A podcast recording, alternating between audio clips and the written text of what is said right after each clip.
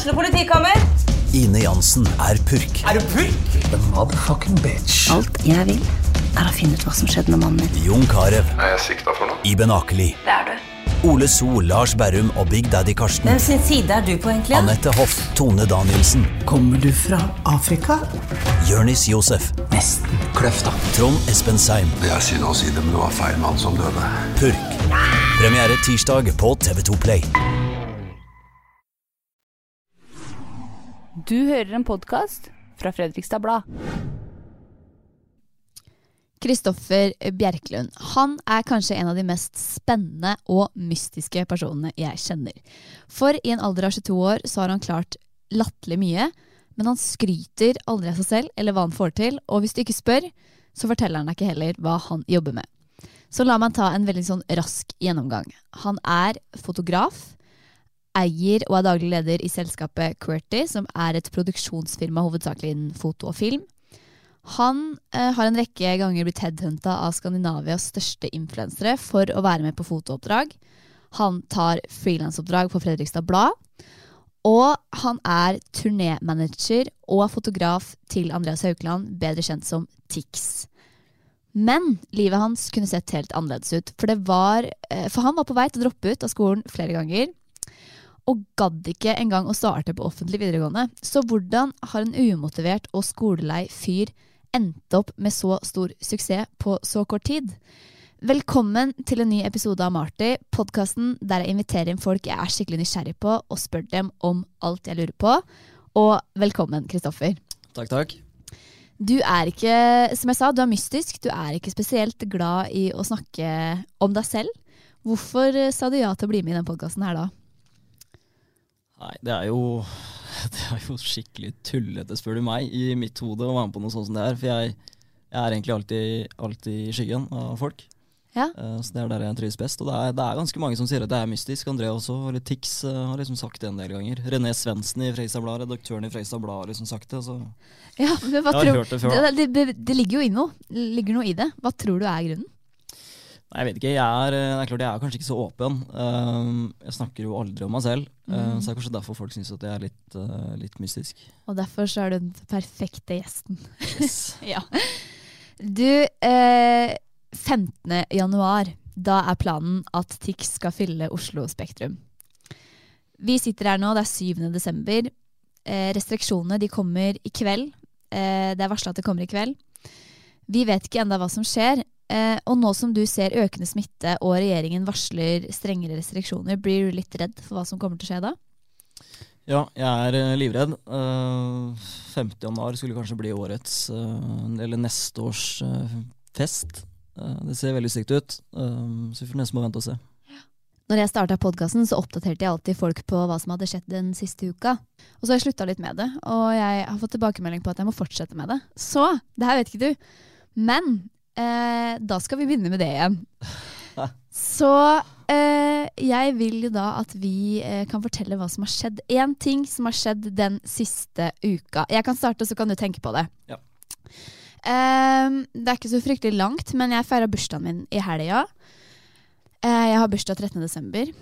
Og så dro jeg på byen, og nå sitter jeg med eh, høyhalsa genser fordi jeg har så store eksem i halsen. For jeg har gått med sånn varmeplaster de siste to dagene. For jeg fikk nakkesleng på byen fordi jeg dansa så hardt. Og da har jeg strukket en muskel bak i nakken. Eh, så derfor så må jeg sitte du, spør, du hadde tenkt å sette deg til høyre for meg, Ja. men jeg klarer ikke bevege nakken den veien. Så det er derfor du sitter rett over meg nå. Hva er det siste som har skjedd i ditt liv? Tok du opp kalenderen nå? Ja, det er litt komisk. Jeg må faktisk ta opp kalenderen for å huske hva jeg har gjort den siste uka. Shit. Eh, jeg har egentlig ikke gjort så mye. Jeg har sett, eh, sett en del på julefilm. Har du skrevet det i kalenderen? Jeg har skrevet det i kalenderen. Hæ?! Ja, skal jeg ha kontroll på mitt eget liv, så må alt inn i, den, eh, inn i kalenderen min. Hvis ikke så mister jeg alt sammen. Du tuller? Ja, helt sant. Står det i kalenderen julefilm? Ja, på, på fredag for eksempel, så satt jeg og så på julefilm fra klokka ni til klokka tolv. Fy. Så jeg må, jeg må bruke kalenderen for at jeg skal huske, huske hva jeg har gjort, og hva jeg skal gjøre neste dagen. Så det, Det er veldig gøy, men jeg vet, jo også at, jo også at du var et sted i helgen. Du kan jo fortelle veldig kort om det, da. Ja, i helga så var vi på konsert i Eller julebord i Namsos. Og husk at du kan ikke si vi, for det, folk vet ikke hvem du snakker om. Nei, selvfølgelig. Jeg var, eh, var med Tix på Eller Andreas, som jeg sier. Mm. På julebord i Namsos. Eh, Vi spilte for 80 personer, og det var jo helt sykt. Ja. Men du, jeg tror vi kommer i gang.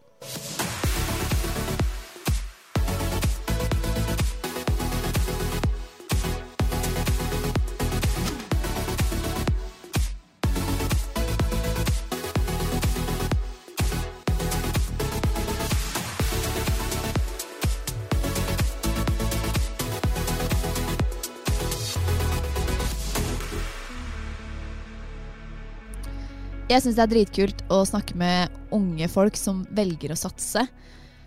Og jeg vil gjerne vite hvordan du har endt opp der du er i dag. For du var jo på nippet til å droppe ut av skolen, som jeg sa i introen. Og det flere ganger. Eh, Hvorfor var ikke skole noe for deg? Jeg vet ikke. Jeg har liksom aldri Jeg har aldri vært noen fan av skole. eh, liksom uansett. Um, så det har liksom bare Skole har liksom ikke vært noe for meg. Nei, og når du sier det, hva var det på skolen som ikke Var det at du måtte møte opp? Var det fag? Hva var grunnen til at uh, du hata skole? Nei, Det var vel egentlig det at jeg ikke skjønte helt uh, liksom alt det vi, vi skulle analysere, norsk tekster og tjo og hoi, og det, det har liksom aldri helt passa inn i hodet mitt. Hvorfor skal vi sitte og lære om det her? Fordi uh, den gang tenkte jeg at jeg kanskje aldri kom til å få brukt for det. Um, og foreløpig så har jeg vel kanskje ikke hatt så mye bruk for eh, Nei. veldig mye av det jeg skulle lære på, på ungdomsskolen i hvert fall. Ja. Og eh, du tok jo et valg eh, da du skulle begynne på videregående. Så søkte du ikke noe eh, offentlig skole. Du tok privatskole, hva heter det, Akademiet. Ja, det het Noroff uh, når jeg begynte der. Eh, Ja. Nå heter det Akademiet. Og da tok du medier og kommunikasjon. Stemmer. Og det var vel også første gang du ble introdusert for foto, stemmer det? Ja, jeg har liksom alltid vært, eh, vært glad i å ta bilder og sånn. Vært på ferie med, med foreldra mine, vært, eh, vært mye ute og reist og sånne ting. Og sikkert alle kjenner seg sikkert igjen og tar bilde av de der rosa himlene og sånn som, som man gjerne ser på Fredrikstad Blad en gang iblant. Ja. um, så jeg har liksom alltid, alltid hatt uh, telefonen på meg med et kamera som liksom har tatt bilder av alt og ingenting. Mm. Uh, så det har liksom alltid vært Det har vært der, men det er liksom ikke noe jeg har fokusert på, da, den foto, fotogreia. Eh, så det var først når jeg kom inn på, eller begynte på Noroff at det liksom Ok, kanskje det her er en vei jeg skal gå. Ja. Men når du gikk på Noraf, eh, følte du også da at åh, det her orker jeg ikke? Ja, det er klart vi fikk jo, Jeg fikk jo en helt ny hverdag når jeg kom på, kom på Noroff. Eh, for det er klart eh, Første og andre klasse så hadde vi sinnssykt mye mediefag. Altså Vi hadde nesten ikke sånn derre eh, Hva heter det? Grunn, grunnleggende Ja, sånn basisfag? Ja, norsk, ja. engelsk, matte, samfunnsfag. Mm. Uh, sånne ting. Så vi hadde sinnssykt mye mediefag. Um, så jeg fikk vel kanskje en liten headsup om at ok, kanskje, kanskje det er kult allikevel. ja. Tror du lærerne har hatt noe å si for at du valgte å fullføre? Ja, de, i hvert fall på, det er klart, Hadde jeg hatt muligheten til å droppe ut på ungdomsskolen, så skulle jeg gjort det. Eh, Jeg hadde noen fine lærere der også som på en måte fikk meg gjennom. Eh, Men det er klart, eh, lærerne på, på videregående har vært, eh, vært veldig viktig. Ja. Og Noroff, det var liksom toppen 90 elever.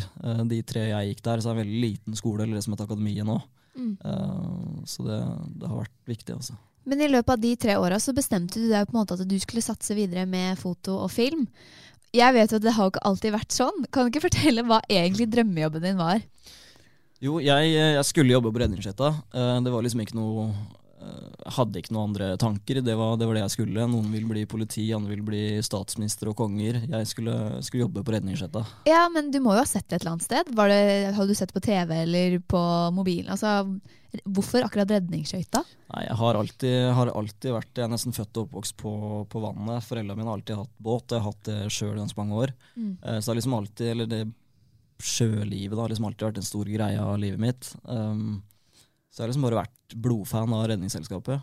Ja. Uh, kjempelenge, jeg husker ikke hvor lenge, liksom. Men hvorfor gikk du ikke etter den drømmen? Nei, på, på ungdomsskolen så har vi hatt mange sånne runder hvor, hva man skal gå videre og sånt, hva du vil jobbe med, hvilke skoler du vil gå og sånne ting. Mm. Uh, og da sa jeg liksom til, uh, til de ansatte som jobba på, på ungdomsskolen min, at jeg vil jobbe på Redningssletta. Ja. Jeg vil gå maritime veien. Og da fikk jeg egentlig ganske klart beskjed om at ja, du må gjerne, gjerne prøve på det, liksom, men eh, den skolen du må gå, de tar kun inn eh, lokale. Mm. Eh, så da la jeg egentlig bare fra meg hele greia med en gang. Ja. Men hadde du ikke gjort det, så hadde du ikke vært der du er i dag. Rett etter videregående så starter du da selskapet Jeg vet ikke hvordan man sier det, kan du si det? Jeg har ikke kjangs. Du har ikke Quir- Quirty? Quirty? Ja, det er noe sånt. Quirty. Eh, ja, det er jo veldig spesielt å eh, kalle selskapet sitt noe man ikke klarer å uttale. Det er veldig vanskelig å uttale det. Mens folk ser på tastaturet sitt, så kan de begynne på Q, og så Ja. på Y. Så det er veldig veldig enkelt å skrive det. Ja, du bare drar fingrene bortover. Du bare drar fjæren bort, og så er du ferdig. Men ja, var det tanken bak navnet også? At det, det skulle være en eller annen sånn Jeg vet ikke, metafor for hvor lett det er. jeg, jeg vet egentlig ikke. Vi har et, eh, vi har et søsterselskap, Uh, og en som heter Morten Marius, uh, som jobber der. Det var han som fant på det navnet der. Uh, Men alle tente på den? Ja, det var bra. alle tente på den. Men det firmaet det starta du med læreren din fra Noroff, som nå er Akademiet. Stemmer ikke det? Stemmer. Ja. Hvordan, hvordan gikk det seg til? Ja, nei, vi har liksom alltid, eller alltid kødda litt med, med læreren min, Are By, fra, Akademiet, om at det hadde vært kult om vi hadde fått til noe sammen når vi var ferdig på videregående. Gjerne før. Mm. Eh, ikke så heldig å starte noe med læreren sin før du går ut skolen. Eh, Nei. kan bli litt skjevt. Men det var liksom en greie som vi kasta litt fram tilbake når jeg gikk på skolen, når han fortsatt var kontaktlæreren min og videolæreren. Um, og så endte vi opp med å starte, starte et uh, aksjeselskap uh, sammen. Men hva gjør firmaet ditt? Og er han fortsatt med? Nei, dessverre. Eh, Nei. Jeg kjøpte ut uh, Are i fjor. Ja. 2020. Men hva er det dere gjør i Qwerty? Ja, vi, jobber med, vi jobber med innholds, innholdsproduksjon, så vi produserer reklamefilmer, festivalfilmer. Eh, tar bilder av ansatte i en bedrift. Ja, vi gjør mye rart.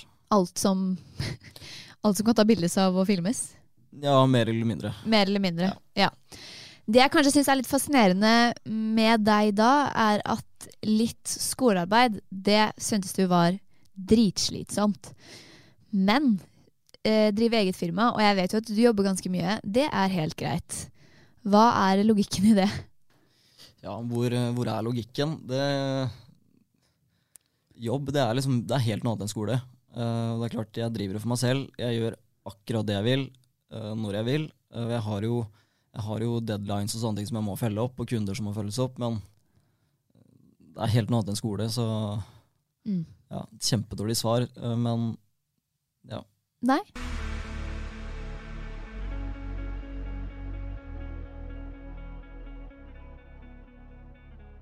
For noen år siden så dukka det plutselig opp en video på YouTube. Eh, jeg var skikkelig YouTube-jente før. Det var helt grusomt. Sånn Jeg så på alt. Abonnerte på alle sånne influensere. vet du. Og da fulgte jeg jo en som heter Jon Olsson, og kjæresten hans, eller samboeren, kona er det nå. kona har det nå. Kona. Uh, jeg vet ikke om jeg uttaler det riktig. Janni Deler. Uh, Olsson? Det stemmer nok. De to er nok Hva skal vi si? Er det Sveriges største? Skandinavias største influensere? I hvert fall eh, høyt oppå der. De er ganske høyt oppe. Ja. Eh, De har vel eh, sammenlagt så har de vel ja, rundt tre millioner følgere, tror jeg. Tre-fire millioner. ja. Og på da den videoen til Jon Olsson, så dukka plutselig du opp. Ja. Og jeg bare Hva søren? Hvordan klarte du å rote deg inn i de greiene der? Veldig tilfeldig, som, eh, som resten av livet mitt. Nei da. Eh, Jon og en gjeng eh, med venner av han var på noe som heter Snowtour. Snow Tour. Eh, og det er, eh, det er egentlig Eller Snow Tour, det er egentlig bare en eh, gjeng med masse venner av eh, Jon og Janni, eh, som kjører eh, masse spreke biler. Eh, så årlig så hadde de en tur hvor de kjørte gjennom et eh, land. Eller i hvert fall en del av et land. Eh, og den gangen her så skulle de til Norge. Eh, og da hev jeg, meg, hev jeg meg rett og slett rundt eh, og kastet meg i bilen eh, med kjæresten min. Så kjørte vi til Gol, og så traff vi dem der oppe. Den var på vei til Gardermoen, for det var liksom en av de siste dagene. Det var sånn to dager igjen. Men da visste du at de var på Gol? Ja, jeg visste at de var der oppe. Ok. Så vi hev oss i bilen, kjørte opp, kom til Gol. Det er vel sånn fem timer kjøring. til. Ja, det er et stykke. Eh, så traff vi de i rundkjøringa på hotellet, så idet vi kom opp, så kjørte de ned, og da skulle de til Oslo. Eh, så det ble jo egentlig bare en svipptur for oss. Eh, men så traff vi de der oppe, og så prata, vi egentlig bare litt sammen. Eh, Men gikk du bort til han da? eh, det er litt uklart, men eh, Ja. jeg Dere husker kom ikke helt hvordan det snakk? funka. Vi kom, vi, kom, i- vi kom i prat ja, der oppe. Ja. Eh, og så skulle de laste opp en av de vloggene sine til YouTube-kanalen til Jon. Eh, men det gikk så tregt, for de hadde ikke noe nett på telefonen sin. Så, så hadde jeg tilfeldigvis med meg sånn 4G-ruter i bilen. Eh, for jeg er jo stort sett på jobb, og da trenger jeg grei hastighet på nettet. Så tenkte jeg ja, da får de låne den, da, sånn at de får laste opp den eh, vloggen sin. Eh, og det var egentlig der det starta. Og da har dere bare holdt kontakten? Ja. ja. Og sånn endte det med at du ble med rundt. Men jeg må jo lure sånn ehm, Hvordan er det å jobbe med så flinke, entusiastiske folk som det virker som den gjengen der er? Ja, det, det er klart for meg så er det jo, så er det jo veldig normalt. Ja, det er kanskje det. Jeg vet ikke helt hva jeg skal svare på det, men det er, det er flinke folk, og det, nei, det er kult. Kunne tenke deg å gjøre mer og sånt? Vlogger og sånn? Eh, Jeg vet ikke om jeg ville vært, gjort så mye vlogger. Eh, Jeg kunne sikkert gjort noe, men sånn som Jon, så er det jo mye sånn daily vlogs. De filmer jo én dag, og så slipper de den dagen etterpå. Eh, Og det er veldig veldig mye etterarbeid på de, på de filmene, så det er, det er et skikkelig kjør. Mm. Så det ville jeg kanskje ikke gjort så mye av sjøl, men det er klart. Det er jo kult å være med på noe sånt også. Mm. Men la oss prate om Andreas Haukeland, Tix. Norges mest streamede artist, faktisk, for andre år på rad. Jeg har møtt dere sammen to-tre ganger, tror jeg, og det som overraska meg veldig, var det lille apparatet han hadde med seg eh, på turné. For det teamet på turné, det består hovedsakelig av deg og han. Tror du det er mange som blir overraska av å høre det? Når du er Norges største artist? Ja, kanskje. Eh, Det er klart Man har jo, man har jo andre artister i Norge som har med seg fullt band. Er gjerne alltid fra fem til eh, 10-15 stykk på tur. Ja, og så har jeg jo møtt artister som har med kommunikasjonsrådgivere, og så har de med en eh, fra plateselskapet, og så har de med eh, en som jobber innad i teamet. Eh, Så når jeg skulle intervjue Andreas for første gang, så var jeg veldig klar for at her kom til å sitte mange rundt. Men det var deg, meg og broren hans. Ja, det stemmer. Og det er klart, i det intervjuet, så det var vel i, i den andre byen, ja. så, så skulle du vel egentlig bare få ti minutter. Andreas satt der en time. Ja. Eh, og det skjer eh, veldig ofte, så han tar seg, tar seg god tid til eh, de han snakker med. Og Mm. Men når er det du først traff han? akkurat når, det vet jeg ikke helt. Jeg har jobba litt med Petter Katastrofe eh, tidligere. Mm. Um, så jeg tror det er gjennom han jeg liksom har truffet han uh, mest på, på litt forskjellige konserter og sånt. Gatebil i Rakkestad var vel uh, Da du møtte han første gang? var vel kanskje der vi liksom Jeg vet ikke om vi møttes første gang der, men det var liksom der vi ble litt mer kjent. da. Ja, men samarbeidet deres, var det han som ringte, eller var det du som ringte han, eller hvordan oppsto det? Ja, han kom eh, hjem fra Paradise Hotel i 2019, eh, og så fikk jeg brått en, en telefon fra Andreas. altså. Mm. Eh, og da sa han det at han skulle ut på, på tur. Han skulle på turné til Sverige, spille tre konserter, en helge- helgeturné. Ja. Uh, lurte på om jeg hadde lyst til å være med der som fotograf. Uh, for tanken hans var at han skulle bygge et større team, større team rundt seg. Det her var i 2019, så da var jo ting mye mindre enn det det er i dag. Mm. Så planen var liksom at han skulle bygge opp noe mye større, men så ble vi bare så gode kompiser, så det ble liksom Det ble Andreas, og så ble det jeg som var fotograf, og så hadde vi gjerne med oss en DJ. da. Ja. ja, for det er litt gøy. Eh, du er jo noen ganger DJ på turneen hans. Eh, hvordan i alle dager endte du opp med det? Det, jeg, jeg tror egentlig jeg var et ganske stort uhell. Um, jeg burde jo ikke vært DJ, for jeg aner ikke hva jeg driver med. Men eh, heldigvis så er det Det er veldig enkelt. Ja. Jeg, Jeg har sett det. Ja. Ikke, det var ikke high-tech. Nei, det, det, er ikke så mye å, det er ikke så mye å Ikke det du gjør, i hvert fall. prate om. Det er klart, de DJ-ene, de som klarer liksom, altså de som er DJ-er, de vet jo hva de driver med, men jeg trykker stort sett bare på en, eh, på en knapp eller to, og så går det sin gang. Men Kaller du deg DJ for det? Nei, nei. Men så det du sier at du starta, skulle egentlig starte som fotograf, men etter hvert som åra har gått, så har du fått større og større roller. Eh, kan du ikke fortelle hvordan det naturlig har sklidd over til å bli en slags turnémanager? Ja, jeg er, jo, jeg er jo først og fremst uh, fotograf og filmfotograf for Andreas. Eh, men så har jeg liksom, jeg liksom alltid tatt mye ansvar, eh, uansett hva jeg har gjort. Um, og det har jeg også gjort rundt Andreas. Så det har liksom bare blitt veldig naturlig at jeg liksom har tatt, tatt den rollen. Um, så da sitter vi, sitter vi, der i dag. Ja. Og det jeg har snakka med Andreas, så har jeg skjønt at han er veldig sånn hands on. Han ønsker å ha kontroll selv og ta alle avgjørelser, eller alle avgjørelser som blir tatt, det vil han eh, ha noe å si på. Eh, samtidig så virker det som at du også at du går inn og tar en del avgjørelser. Hvorfor tror du han stoler på akkurat deg? Ja, si det. Vi har jo blitt veldig veldig gode venner. Eh, så mye ligger nok eh, i det. Han har jo ikke veldig mange som liksom er veldig nære seg. Han har, jo, han har, jo, litt venner og sånt, men ingen hva skal man kalle det, bestevenner. Mm. Um, så det ligger, nok mye i det at vi har blitt såpass close som vi er. da. Ja. Men hva er dine arbeidsoppgaver når du jobber for TIX?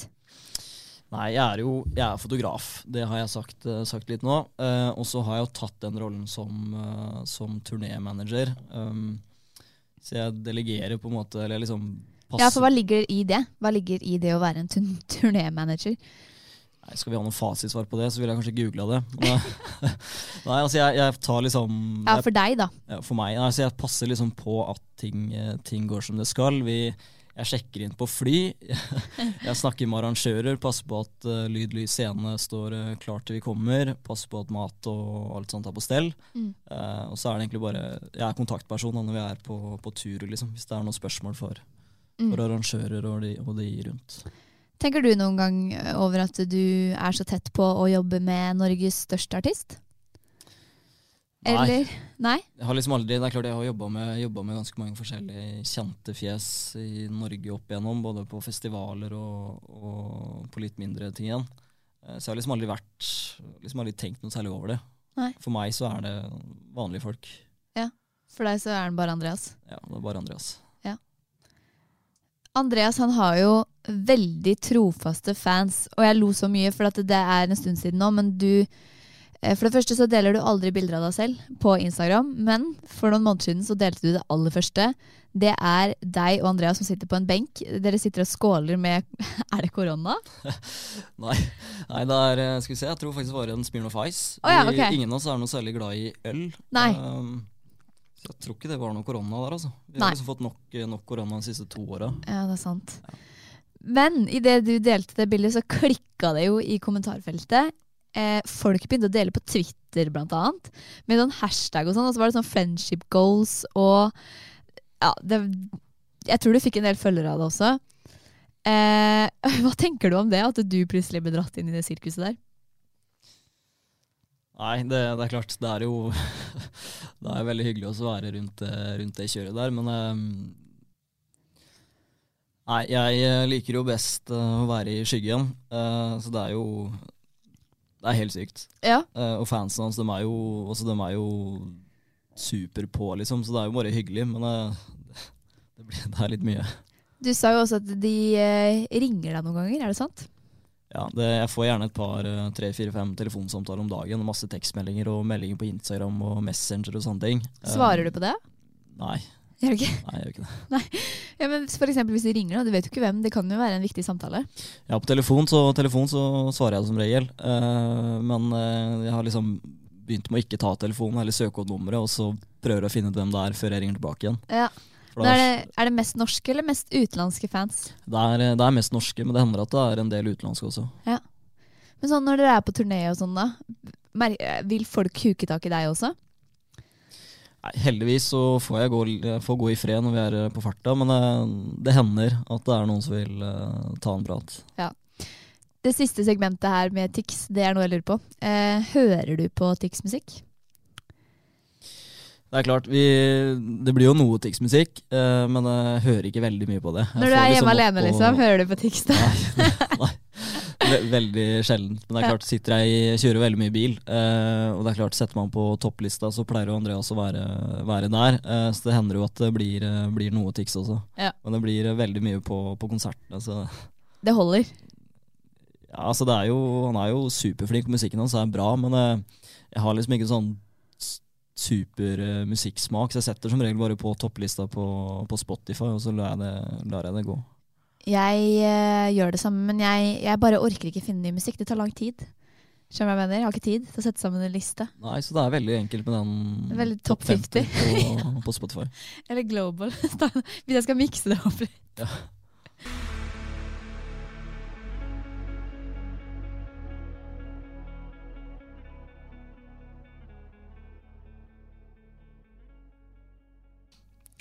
Helt til slutt så vil jeg stille deg noen spørsmål til deg om deg. Kanskje det mest ubehagelige du kommer til å oppleve på en stund, du som hater å snakke om deg selv.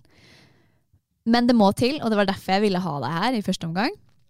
Hvorfor tror du at akkurat du har lykkes med ditt eget selskap og fått innpass hos da Norges største artist? Ja, si det. Det er klart, eh, med selskapet så er liksom Jeg har jo aldri gitt opp. Jeg er jo bare 22, og det, er ikke, det hender at jeg liksom får eh, spørsmål om er ute på skoleoppdrag eller hva det er for noe, da sier jeg som regel ja. Mm. Uh, men hvorfor? Det, jeg har liksom ikke noe godt svar på det. Jeg har på en måte bare stått på og ikke, ikke gitt opp når jeg liksom har fått litt motgang. Eh, for det har det vært mye av. Ja. Men hvordan tar du motgang? Nei, jeg gir vel eh, Det er klart det kommer helt an på hva det er for noe, men jeg er liksom type som gir ganske mye faen i ting. Ja. Uh, så jeg kjører liksom mitt løp, og så får jeg bare stå i det. Men hvordan får du tid til alt? Eh, eget selskap, frilanser av og til, fotograf, turnémanager, du skal være med på ting. Hvordan får du det til å gå opp? Ja, sånn som med, altså det er klart, Vi har jo sånn som turneen til Andreas, eh, så er det stort sett kun en sånn helgeturné. Eh, på sommeren så har vi konserter i ukedagene også, eh, men det er klart Jeg skulle gjerne hatt 48 timer i døgnet, jeg har kun 24. Ja. Så jeg må liksom bare legge opp løpet så langt det går. Er du flink til å si nei? Nei. Nei. Du sier ja til for mye? Ja, jeg, jeg sier ja til litt for mye, egentlig. Uh, jeg skulle egentlig vært i et møte nå, så, Nei, er det sant? så jeg sier kanskje litt for mye ja, eller for dårlig til å si, si nei. Jeg skulle gjerne vært, uh, vært bedre på det, men uh, Men hvorfor tror du det er så vanskelig å si nei? nei, jeg vet ikke. Jeg har faktisk sittet og tenkt over det der selv. Jeg, for min del så um, syns jeg det er vanskelig, for jeg er redd for å skuffe andre. Skjønner du hva jeg mener? Ja. Eller jeg har bare lyst til å Jeg vet ikke. Jeg, det er så ubehagelig. Ubehagelig å si nei. Nei, Det har kanskje noe med at jeg har lyst til å få liksom gjøre så mye som mulig. Mm. Eh, noen ganger så sier jeg selvfølgelig nei, men det blir jo veldig mye ja, eh, og det Ja. stopper jo til slutt. Ja. Men dette er jo veldig interessant. Du jobber ekstremt mye. Du er bare 22. Andre på Ja, vi er jo egentlig i samme alder, da. Alle, andre på vår alder sitter ikke og bruker så mye tid på jobb. Eh, føler du at du misser litt ut av ting? Ja, jeg gjør nok, gjør nok det. Det er klart Kompisene mine sånn, de, de har gjerne en fest, eh, fest på helga og lurer på om jeg vil være med. Og det er klart, da, da som regel jeg er på jobb, så jeg må dessverre si nei. Men eh, eh, ja, jeg har nok, uh, har nok mista en del. Men føler du at det er verdt det? Ja, både ja og nei. Eh, det blir jo veldig mange timer jobb. Men det er klart, jeg har jo kommet dit jeg er i dag, så jeg angrer ikke på at jeg jobba så mye som jeg har gjort. Nei. Så hva tror du skal til for å komme dit du er i dag nå? Du, det som kanskje har gått gjennom, er jo nettverk. At du har ofte ramla over folk fordi du kjenner noen. Tror du det er viktig i den bransjen du jobber i? Ja, absolutt. Uh, spesielt uh, liksom med de kundene vi har gjennom selskapet, de vi produserer reklamefilmer og sånn, så er det veldig mye nettverk, eh, nettverk som går på. Selskapet er jo ganske ferskt, vi etablerte jo det i 2019. Um, så nettverket er, eh, er superviktig. Mm. Men hva er det du er mest stolt av at du har fått til i løpet av de åra? Ja, det er klart, eh, det jeg har gjort med, gjort med Jon, reist med han og jobba med han veldig tett, det, det henger veldig høyt. Um, men også, også liksom det forholdet jeg har fått til, eh, til Andreas, da, det jeg liksom har uh, oppnådd på, på konsert og sånt med han, det, det, det er kanskje det jeg liksom er mest, mest fornøyd med. Da. Og så er, det, så er det selvfølgelig det å starte det i selskapet og så bare gønne på. Ja. Det, jeg klager ikke. Nei. Setter du deg mål som du prøver å oppnå hvert år, eller hvordan, hvordan er det der? Nei, jeg er, jeg er ganske dårlig til å sette meg egne mål. Eh, Ja. Det er klart Vi har jo i selskapet så setter vi opp et budsjett. Eh, så målet innenfor de åra er liksom å treffe, treffe det vi har sagt på budsjettet. Da, omsette det vi skal og sånne ting. Ja, men det er jo på en måte det et mål. Da, ja, det er jo et mål. Eh, Ja. Men jeg setter liksom ikke noe sånn personlige mål utenfor, eh, utenfor selskapet. da. Det syns jeg er litt sånn spennende med den bransjen du jobber i, at man jobber sykt intenst til ett prosjekt. Nå kan jeg tenke kanskje sånn TIX da, mot Oslo Spektrum. Eller eventuelt eh, at dere har en svær eventbooking som dere har klart å booke. Eller noen har booka dere inn, og så skal dere jobbe mot den. Men så fort det er ferdig, så er det bare neste prosjekt. Så rekker dere noen ganger setter dere ned og sånn Ok, shit, vi klarte det her. Eller er det den konstante jaget hele tiden etter at dere, Ok, men vi må ha noe etter dette.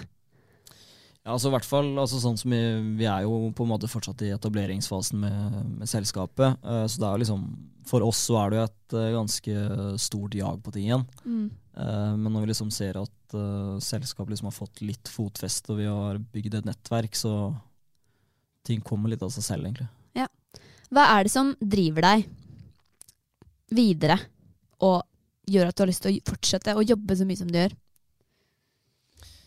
Ja, nei, det er kanskje det å få til ting, liksom oppnå de landene, de jobbene som vi, som vi får forespørsler på og sånne ting. Um, og spesielt med, med Andrea så er det veldig kult å liksom treffe, treffe folk. Vi er jo Mm. veldig glad i å snakke med folk. Uh, men også er det selvfølgelig pengespørsmål, fordi penger uh, drar jo ganske mange. Det er sikkert ikke så mange som sier det, men det er jo en stor del. Ja, da har du lyst til å bli rik? Eller hva er rik, er jo kanskje Hva er ikke? Jeg, ringte, jeg husker jeg ringte faktisk banken en gang. Mm. Um, kontaktpersonen min i banken, og så lurte jeg på når bankkontoen var full. For hvis man har et vannglass og du fyller opp med vann, så blir jo det glasset fullt, ikke sant? Eh, Ja. Men jeg har liksom aldri fått noe svar på når bankkontoen er full. Nei. Eh, Hva var svaret da? han visste ikke. For at du ville gjerne vite det, for du ville jobbe deg til en full bankkonto? Nei, det, det hadde vært helt sykt. Selvfølgelig så vil eh, alle vil vel sikkert det, men det, det var jo mer en sånn morsom greie bare når er, eh, når er kontoen full. Ja. Eh, men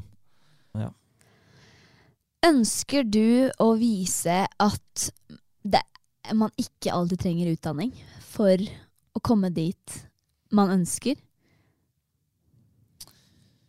Ja, det er klart, sitter man på skolen og du spør hva som er viktig, så er det jo viktig å liksom fullføre ungdomsskolen, du skal fullføre videregående, og så skal du gjerne ta en høyere utdanning. Um, for meg så har ikke det vært eh, Jeg har ikke gitt en tanke engang, å gå på skole etter videregående, liksom. Jeg var så ferdig.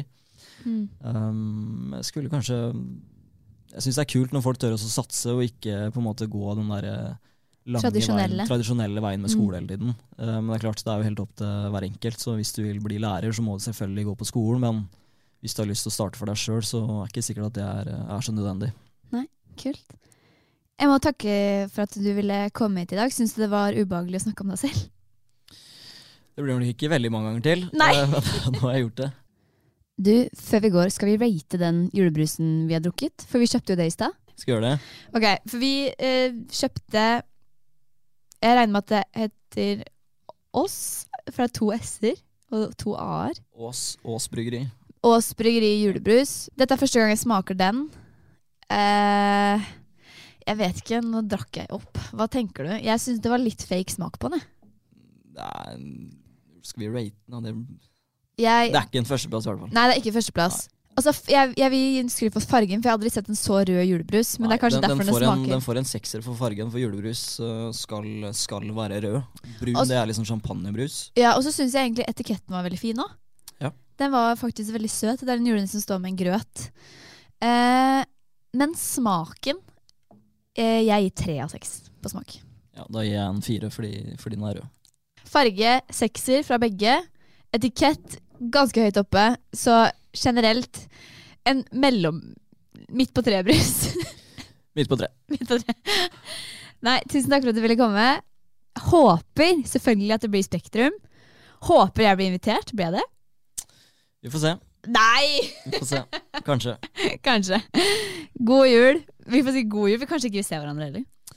Nei, nå er det jo straks å si, Det er jo straks halvveis ut i desember, er det ikke det? Ja, det er det. Første uka, i hvert fall. Hvordan ser det, er, Blir det hektisk nå, frem mot eh, jul for deg?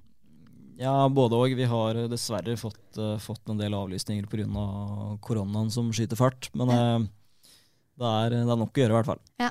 Jeg syns det er så kleint å avslutte, for at jeg vet liksom ikke helt hva jeg skal avslutte med. Har du noe sånn godt tips til hvordan man avslutter en samtale? Nei, bare sett punktum, så er vi ferdig. Ok, den. Sånn.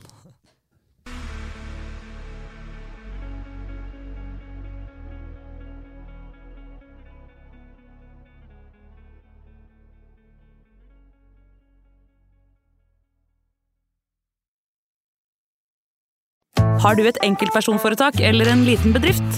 Da er du sikkert lei av å høre meg snakke om hvor enkelt det er med kvitteringer og bilag i fiken, så vi eh, gir oss her, vi. Fordi vi liker enkelt. Fiken superenkelt regnskap.